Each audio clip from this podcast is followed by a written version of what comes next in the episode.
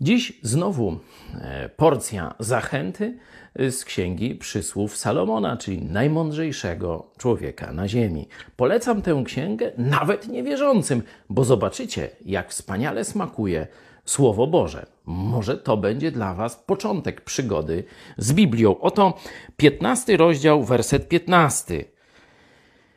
Wszystkie dni uciśnionego są złe Lecz człowiek wesołego usposobienia ma ustawiczną ucztę. Ma ustawiczną ucztę. Zobaczcie, że nie okoliczności różnią tych dwóch ludzi, tylko podejście do ucisku.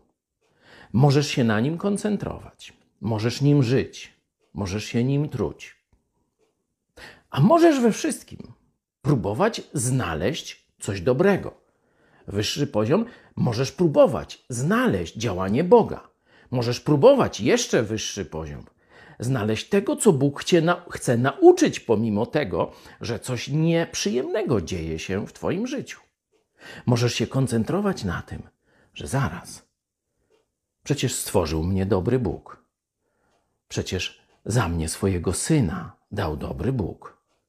To czy w tym drobnym czy większym problemie on nie będzie dobry? On mi nie pomoże? Wesołe serce to serce ufające dobremu Bogu.